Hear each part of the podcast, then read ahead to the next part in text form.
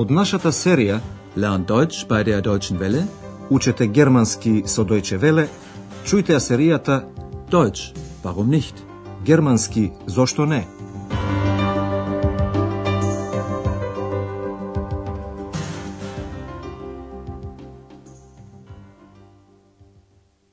Liebe Hörerinnen und Hörer, Добар ден, почитувани слушателки и слушатели. Денеска наред е 12-тата лекција под наслов Со студирањето се е окей. Mit dem Studium ist alles окей. Во последната лекција, Андреас и неговите родители имаа свој план за попладнето. Господја Шефер сакаше во секој случај да оди во купување, а господин Шефер сакаше да го посети музеот на весниците. Ich möchte gern ins Zeitungsmuseum. Родителите на Андреас потоа сакаа да ја посетат Ахенската катедрала. Внимавајте на предлогот in, кој се наоѓа во акузатив по прашањата со каде. Und in den Dom wollen wir natürlich auch. Исто така и екс изрази своја желба. Сака да оди во дискотека. Und ich will in die Disco. Семејството Шефер се наоѓа во едно кафуле. Тие се договараат да се најдат во ресторан во 6 часот. Господја Шефер веќе заминува. Господин Шефер и Андреас остануваат уште малку. А сега да го чуеме разговорот меѓу Андреас и татко му. Ваша задача е да откриете какви проблеми има господин Шефер. Also, bis später. Tschüss, tschüss, bis um sechs. Na, wie geht es dir? danke, mir geht es gut. Und euch? Der Mutter geht es sehr gut. Und dir? Auch gut, aber ich habe Probleme. Probleme? Ja. ich habe Probleme mit dem Computer. Du hast einen Computer? Da kann ich dir bestimmt helfen. Meinst du? Bestimmt. Дали чувте кои проблеми има господин Шефер? Тој има проблем со компјутерот. Да го чуеме разговорот уште еднаш. По заминувањето на господја Шефер, господин Шефер го прашува својот син како му е. Па како си? Na, wie geht es dir?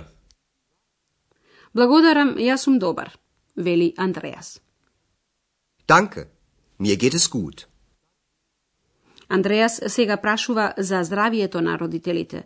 А вам? Und euch? Господин Шефер најпрвин кажува за мајката, мута. Мајка ти е добра. Der Mutter geht es sehr gut.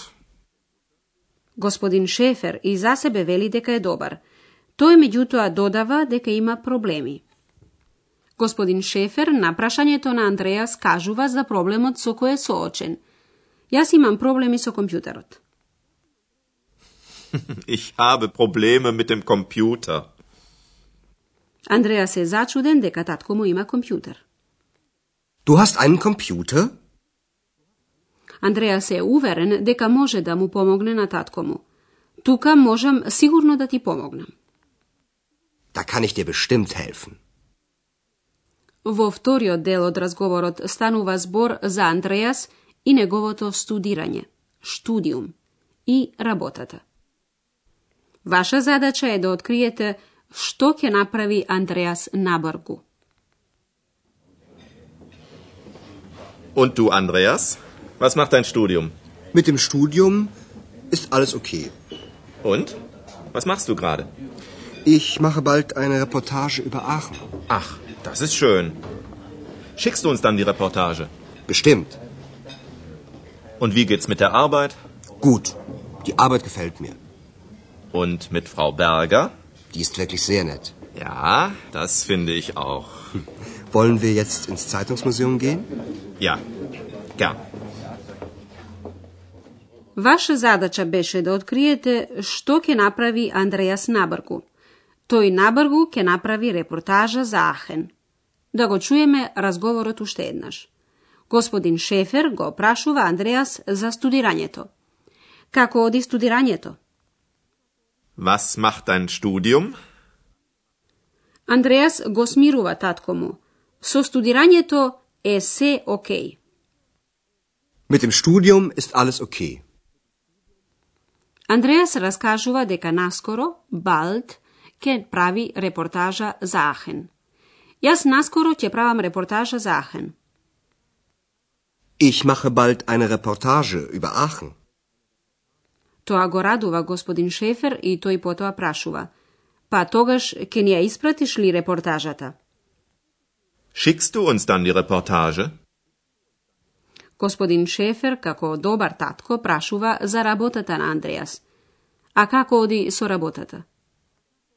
Und wie geht's mit der Arbeit? Андреас е задоволен од работата. Работата ми се допаѓа.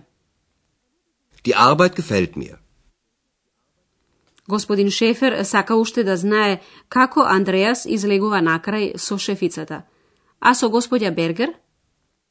Und mit Frau Berger? Андреас најдобро може да каже и за господја Бергер. Таа навистина е мошне пријатна. Die ist wirklich sehr nett. Истото го потврдува и господин Шефер. Да, и јас го мислам истото. Ja, das finde ich auch. И двајцата сега заминуваат во музеот на весниците. А сега ќе ви објасниме уште едно дополнување. Станува збор за дативен додаток.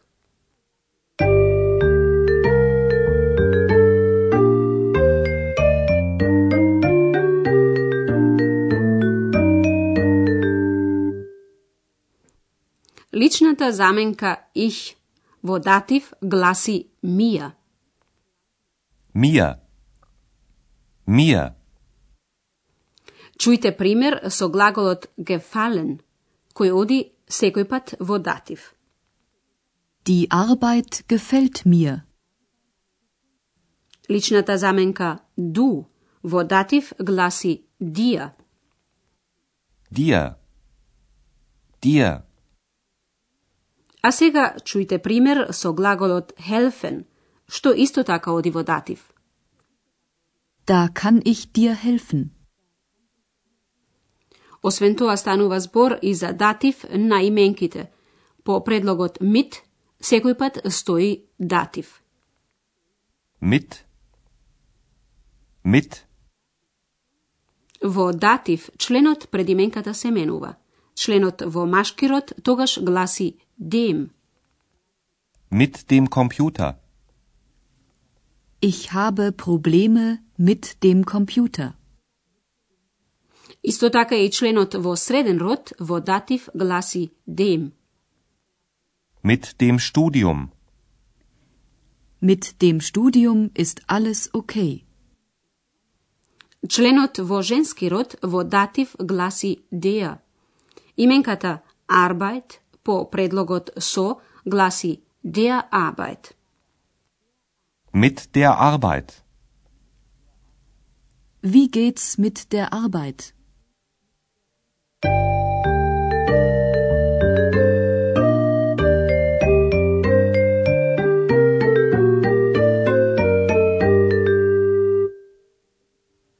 На крајот да ги чуеме уште еднаш двата дијалога.